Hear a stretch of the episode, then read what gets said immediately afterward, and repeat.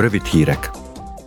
A hétfő hajnali pusztító földrengés emberek ezreinek életét követelte Törökországban és Szíriában, és még mindig sokan vannak a romok alatt. Ankara kérésére az Európai Unió működésbe léptette az uniós polgári védelmi mechanizmust. 19 uniós tagország, valamint Albánia és Montenegro is felajánlotta segítségét. 11 mentő alakulat érkezett eddig a helyszínre.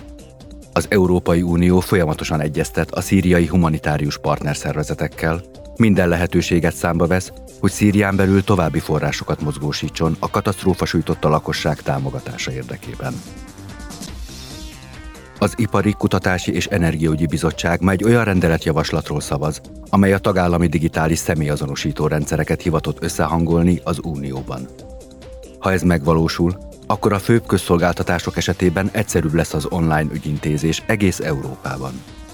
A jogalkotók azt várják a szabályozástól, hogy 2030-ra a polgárok legalább 80%-a élvezhesse az elektronikus személyazonosítás előnyeit.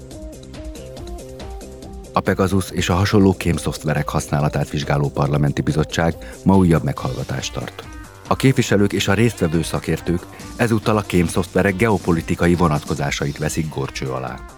Ennek kapcsán több érintett áldozat is beszámol majd az őt ért sérelmekről.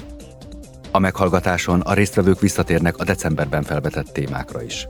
Akkor a kémszoftverek harmadik országokon belüli használata volt napirenden.